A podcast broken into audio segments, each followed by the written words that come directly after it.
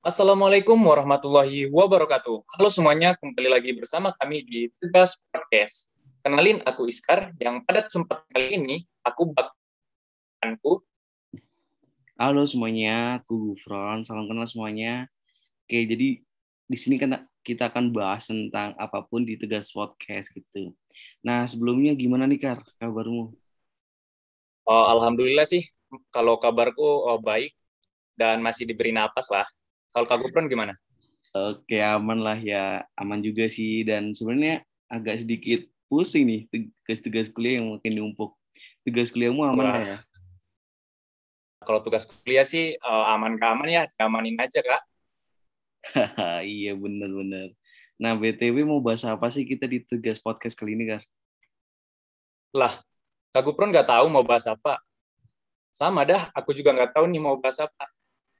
Lah, ntar gimana dong diem di mana aja kalau kita nggak mau nggak mau bahas apa apa nih eh nggak bisa gitu dong kapron oke deh aku kasih tahu nih jadi di sini kita berdua akan menemani teman-teman dalam bincang opini mengenai artis dan narkoba Widih, mantep sih itu. Kebetulan juga kan topik ini masih hangat-hangatnya yang di belakang ini. Karena masih banyak banget tuh kayak yang masih terjadi di kasus di Indonesia nih sebenarnya. Dan ya patut buat kita bincang ini kali ini, Kak. Bener banget, Kak Pron. Contohnya itu kayak si siapa sih yang baru-baru ini? Si Coki. Ah, tuh. Eh, tapi ini nggak apa-apa kan ya sebut merek? Hah, nggak apa-apa lah, santai aja lah. Kita kan di sini cuma bincang opini ya, jadi uh, santai aja. Terus juga udah jadi konsumsi publik kan. Semua orang juga pada tahu lah pastinya. Nah, oke okay, oke. Okay.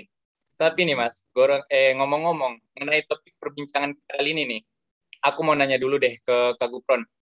Apa sih kaitan antara artis dan narkoba? Dan kenapa kita harus bahas topik ini? itu juga sih, aku juga nggak tahu kan masalahnya. Daripada kamu nanya aku dan nggak tahu juga nanti kan aku mau jawab apa. Kayaknya perlu kita ini aja deh, tanyain sama yang orang yang emang apa namanya expert gitu ya, yang emang udah tahu sama paham tentang hal itu. Uh, kita langsung aja nih panggil narasumber gimana? Biar nanti jawabannya itu tepat dan jelas juga kan informasinya. Wah, boleh banget tuh Kak Pron. Aku juga udah penasaran sih mau nanya-nanya daripada kita berdua pada sote juga kan. Iya bener langsung saja ya kita langsung sambut pemateri kita yaitu ada Mas Anang dan juga Mbak Sinta. Oke, mungkin sekarang aku mau nyapa dulu nih sama Mas Anang. Halo Mas Anang. Ya halo. Oke, gimana nih kabarnya Mas Anang? Baik, sehat sih, dikasih kesehatan. Oke, BTW ini aku udah ini Mas, apa? Udah lama nggak denger Mas Anang nyanyi kayak yang nanti kalian luar biasa gitu kan. Eh, eh, eh, oh, bukan Mas Anang itu beda. Oh, iya, yeah, sorry, sorry Mas. Aku kira tuh Mas Anang ini yang Anang Ashanti gitu ya. Oke, teman-teman, jadi beda ya. Jadi Mas Anang ini merupakan purna ya dari tu, dari Tegas UB yang ini nanti kita akan mau bahas-bahas di bincang opini kali ini, Kar. Nah, Mas Anang nih kalau boleh tahu apa nih kesibukan kali ini? Uh, kesibukan ya hari kerja biasa lah ya manusia biasa lah budak korporasi Oke. Okay. uh, jokes yang kamu keluarin tadi kayaknya sudah yang pernah aku dengar kayaknya. iya mas, jadi biar nggak tegang amat gitu ya. Oke, lanjut nih Kar. Nah, karena tadi udah nyapa Mas Anang nih, aku juga mau nyapa Mbak Sinta nih. Halo Mbak Sin, apa kabar? Halo, halo semuanya, Gufron, Iskar. Nah, apa kabar nih Mbak Sinta? Alhamdulillah baik. Oh, sekarang lagi punya kesibukan apa aja nih, Mbak? Uh, kesibukan sih seperti biasa ya mahasiswa. Aku semester 5 ya, habis ini magang. Terus um, ini kesibukannya jadi kabitnya kalian itu, penyuluhan. Oke deh Mbak, semoga lancar lah ya semua. Amin, amin. Lanjut Kak Pron. Oke, mungkin langsung aja nih ke opini yang kita mau bahas kali ini, Kak, di Tegas Podcast. Nah, mungkin aku mau nanya ke Mbak Sinta dulu nih, Kak, yang pertama tentang artis dan narkoba.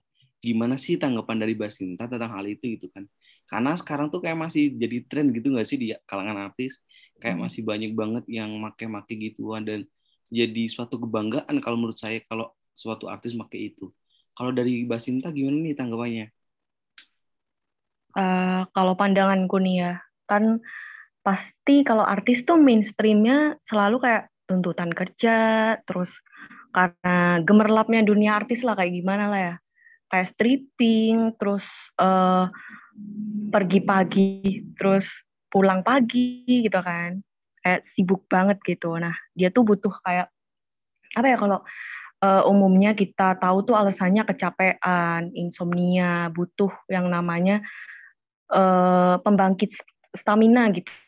Nah, kalau biasanya nih yang kita tahu kan eh, selebritis nih banyak kayaknya yang pakai sabu gitu ya.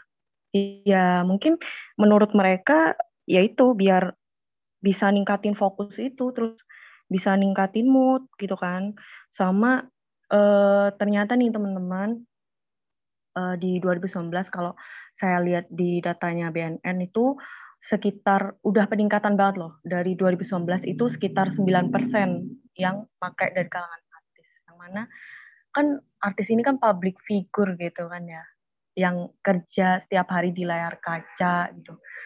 Dan kita nggak tahu nih jaringan rekan-rekan artisnya tuh kayak gimana. Pengedar narkobanya tuh pasti udah ada sindikat khususnya gitu kan. Itu sih menurutku eh, gimana ya?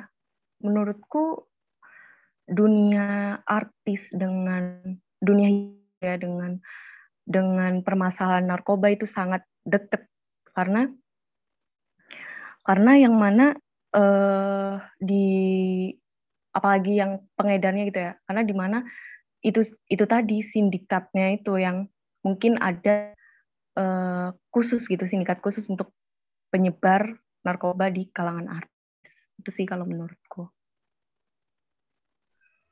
Oke Mbak, setuju. Kalau memang jawabannya gitu, soalnya memang kebanyakan juga para artis ini kalau misalkan keciduk nih sama polisi, kalau ditanya jawabannya ini untuk menambah stamina. Jadi sebagai doping gitu katanya oh ini dengan mengkonsumsi narkoba.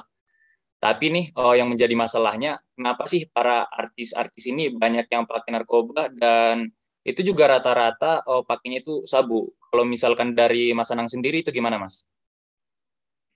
Iya, eh, kayak yang Iskar bilang tadi ya, untuk sebagai stimulan ya, karena sabu ini eh, sabu ini termasuk yang memberikan efeknya sebagai eh, stimulasi agar stamina orang itu bagus, segar, kemudian istirahat nggak perlu lama-lama, karena kan kebanyakan eh, artis-artis ini banyak kejar tayang lah atau atau pekerjaannya banyak di luar kota harus ke kota lain dari kota satu ke kota lain kayak gitu soal apa sabu itu banyak dipakai sama artis Oh jadi gitu teman-teman. Jadi emang eh, bisa dibilang sebagai stamina gitu. Nah, aku masih bingungnya di sini sih karena kayak impact gitu apa sih yang kok pada gak jerah gitu artis-artis kayak pakai lagi pakai lagi gitu. Nah mungkin apa dia nggak ada impact ya kali ke apa namanya influence gitu. Karena kan dia nggak influence masyarakat nih. Sebenarnya ada impactnya nggak sih gitu kan? Nah ini aku masih bingungnya di situ sih Kar. Kalau dari Mbak Sinta gimana nih Mbak terkait dengan impact? Ada nggak sih gitu yang diakibatkan dari pakai penyalahgunaan narkoba ini? Hmm. Kalau in, impact pasti pasti ada apa namanya namanya eh, artis ya kan followersnya banyak bahkan puluhan ribu puluhan juta gitu kan orang juga berbagai macam karakteristik fansnya ya kan nah eh, sebenarnya kan biasanya kalau misalnya ada pemberitaan artis A kena kasus apa gitu pasti eh, kita tuh harus sebagai fans atau sebagai eh, netizen itu kritis gitu menyikapi itu karena eh, di balik pemberitaan itu pasti ada ini loh yang menawarkan gaya hidup yang keliru gitu yang ditunjukkan oleh artis kalau menurut saya. Nah, untuk eh, kita menyikapi harus uh, merupakan teguran bagi kita yang generasi biar uh, lebih selektif lagi gitulah, lebih uh, menyikapi kritis, lebih uh, pandangannya lebih jangka panjang gitulah. Siapa sih yang kita jadiin role model gitu kan? Terus uh, kalau impact untuk media sosial ya ini biasa kan uh, artis tuh ngaku uh, ini bukan yang sampai menyinggung kayak gimana ya. Uh, biasanya kan ngaku kena itu cobaan. Ada ada penggemar yang menormalisasikan seperti itu kayak artis saya idola saya ini dia cuma gitu uh, dianggap ya karena musibah cobaan gitu. Tapi kan itu sebenarnya resiko kan resiko dari dia uh, kenapa sih kok pakai ini gitu kan? Nah tapnya impact ke followersnya itu uh, menimbulkan adanya kewajaran gitu. Jadi si fans ini ah wajar lah dia capek-capek uh, dia udah kerja keras nih capek uh, kerja terus uh, karya-karyanya bagus gitu. Terus kita mengesampingkan uh, sikap dia yang seperti itu mencontohkan seperti itu. Kan namanya public figure gitu ya dilihat di televisi di media sosial setiap hari harusnya mencontohkan yang lebih baik gitu.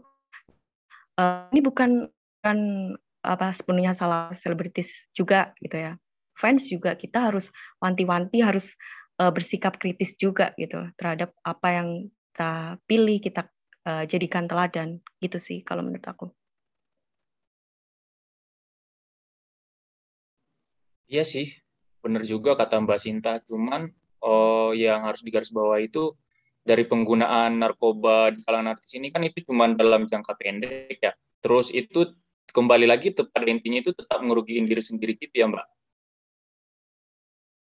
Oke oke Mbak, aku paham nih jadinya. Berarti oh, dengan artis menggunakan narkoba itu impact yang terjadi pada dirinya itu ya semakin itu semakin buruk itu banyak gimana ya jadi kena ciduk sama polisi masuk oh, bisa jadi penjara atau rehabilitasi atau ini oh, banyak masalah ada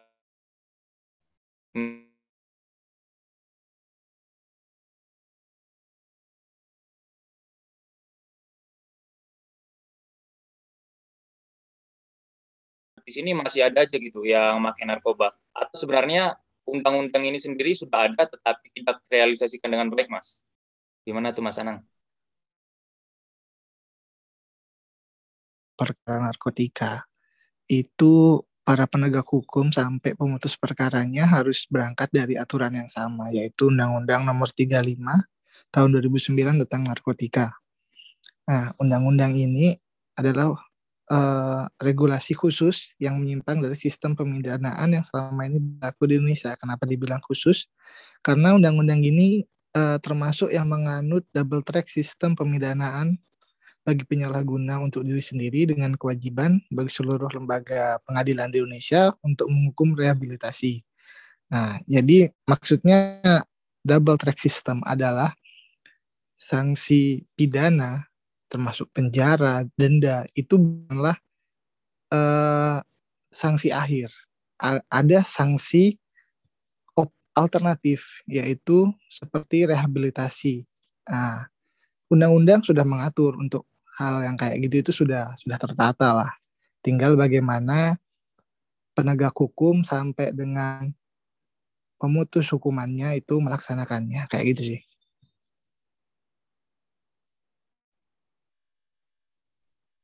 Oke, jadi emang kalau dilihat dari undang-undangnya emang berat gitu ya Mas dan apa namanya cukup rumit dan rinyem juga kalau misal sesuai dengan prosedur nih tapi tapi kan ya teman-teman tahu sendiri lah ya gimana hukum di Indonesia gitu kan ya bisa dipersepsikan sendiri gitu.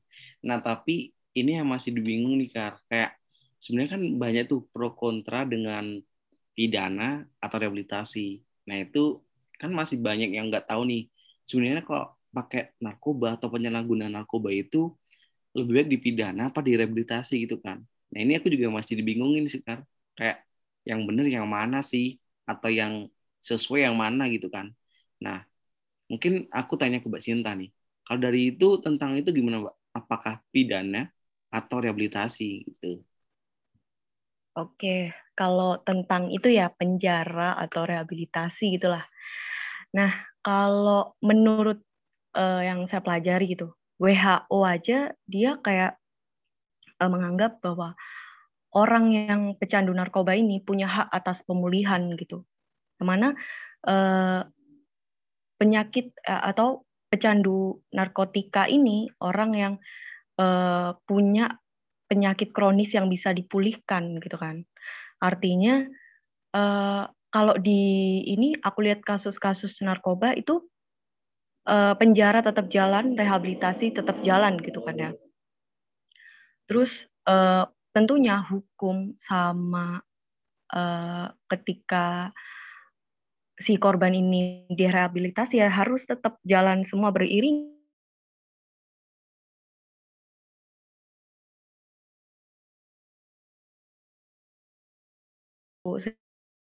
bahwa hukum di Indonesia itu ya seperti itu adanya kita lihat diri gitu. Uh, menurut aku kalau untuk efek diri dan uh, tidak menimbulkan apa lebih baik di penjara juga gitu pengedarnya ya. Kalau misalnya pecandunya direhabilitasi karena mereka juga punya hak atas pemulihan gitu juga. Karena lebih baik inilah lebih baik kita melapor gitu. Kalau kita emang butuh sembuh, emang uh, pengen lepas dari uh, penderitaan gitu kan. Itu seharusnya direhabilitasi kayak gitu. Itu sih.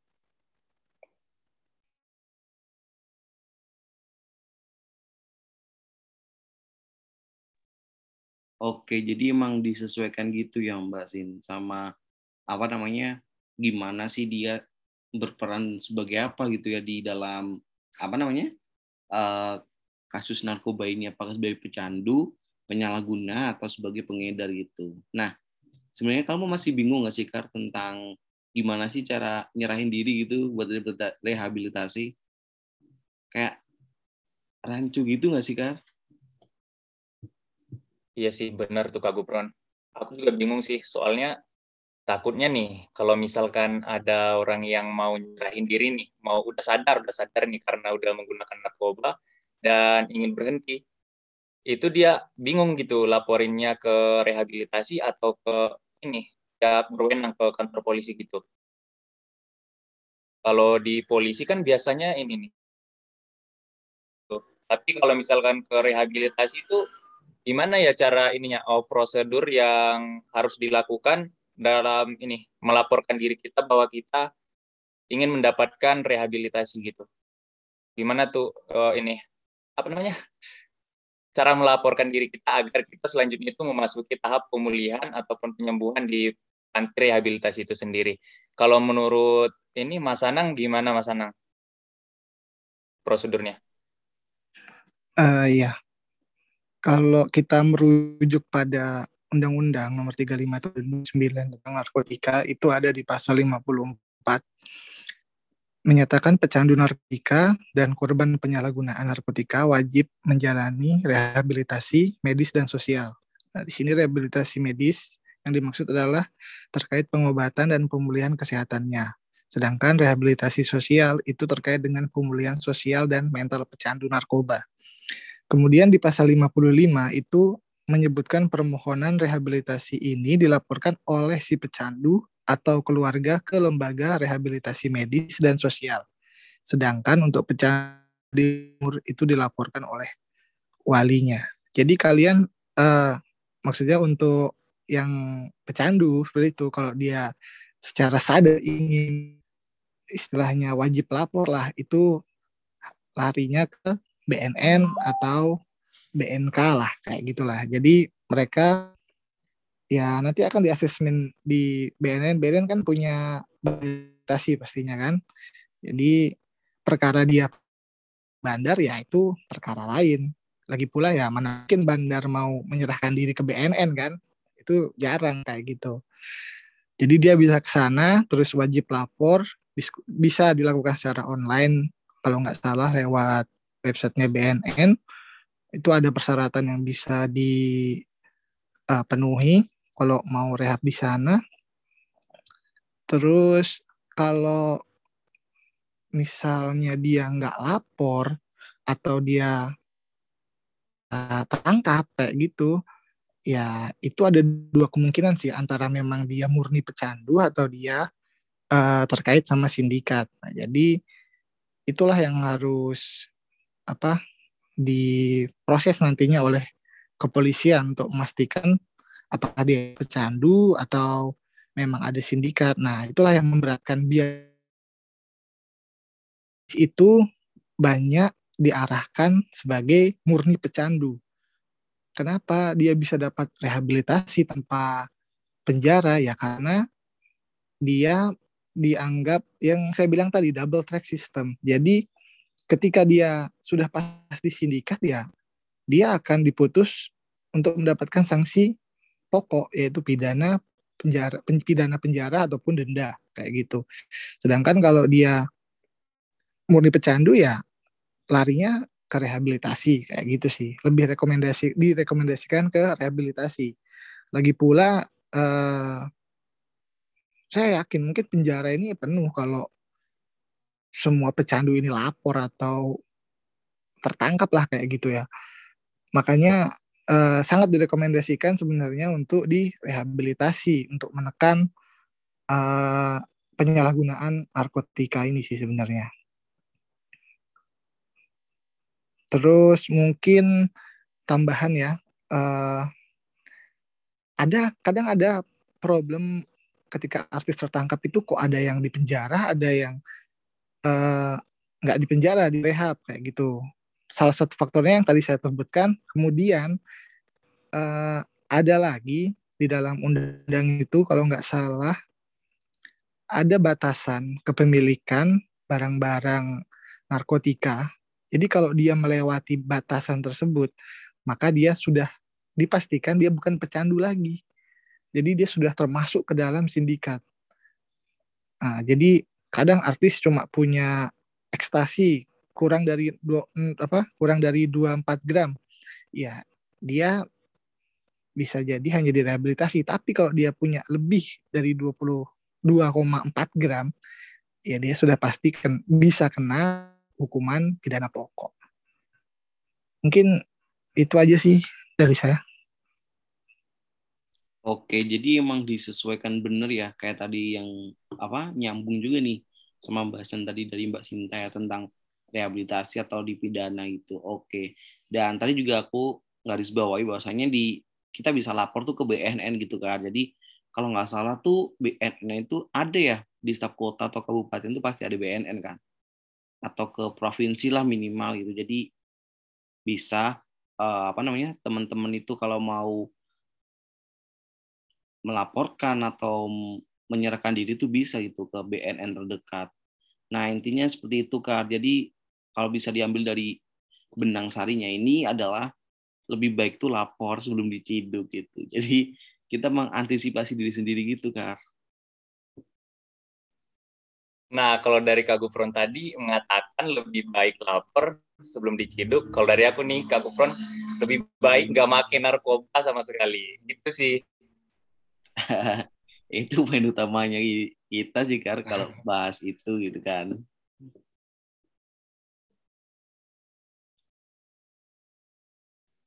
Nah, memang intinya oh, jangan menyalahgunakan narkoba ya untuk teman-teman yang di ini yang mendengarkan podcast ini karena oh, seenak dan semenggiurkan apa pun yang yang namanya narkoba tetap merusak dari fungsi otak, fisik dan emosi karena memang narkoba ini dapat diibaratkan oh, sebagai sebuah mesin pembunuh massal karena ini dia dapat membunuh orang baik dari fungsi otaknya sampai ke fisik maupun emosinya itu juga narkoba ini sering disebut dengan silent killer gitu sih.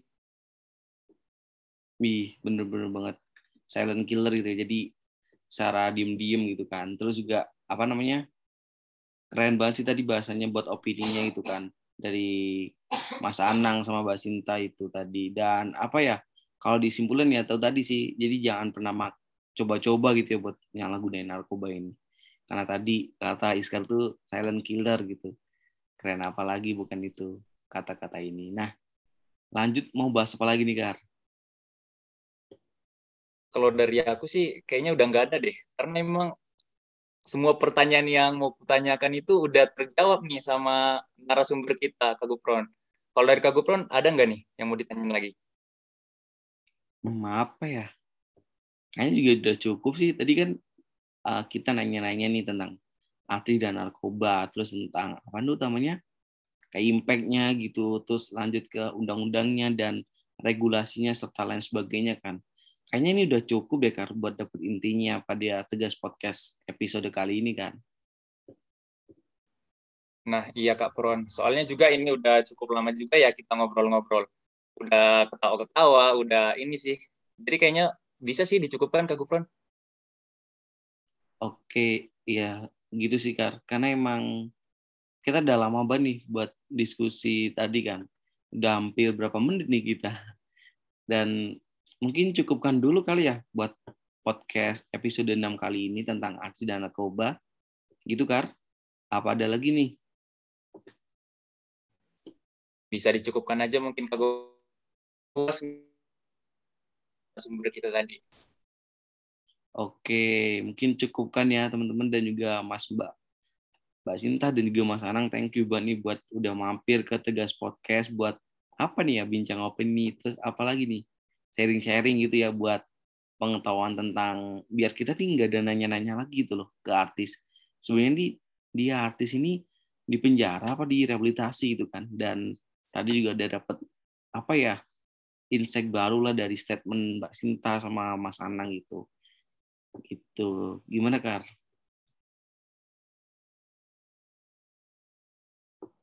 Iya nih benar. Makasih banyak nih buat Mas Anang dan Mbak Sinta yang telah menyempatkan waktunya walaupun memang di awal tadi ada banyak uh, problem gitu, banyak noise. Mungkin uh, untuk next time sabi deh buat ngobrol-ngobrol lagi nih bareng Mas Anang dan Mbak Sinta. Iya benar, thank you juga banget juga thank you juga kepada teman-teman yang udah stay dengerin Tegas Podcast pada episode kali ini dan apa ya udah ya nemenin kita lah gitu. Nah, benar banget tuh teman-teman. Tetap stay tune ya buat episode selanjutnya dan pantau terus sial account dari Tugas UB buat kejutan selanjutnya. Iya, bener banget teman-teman. And see you on next episode dan sampai jumpa. Bye-bye.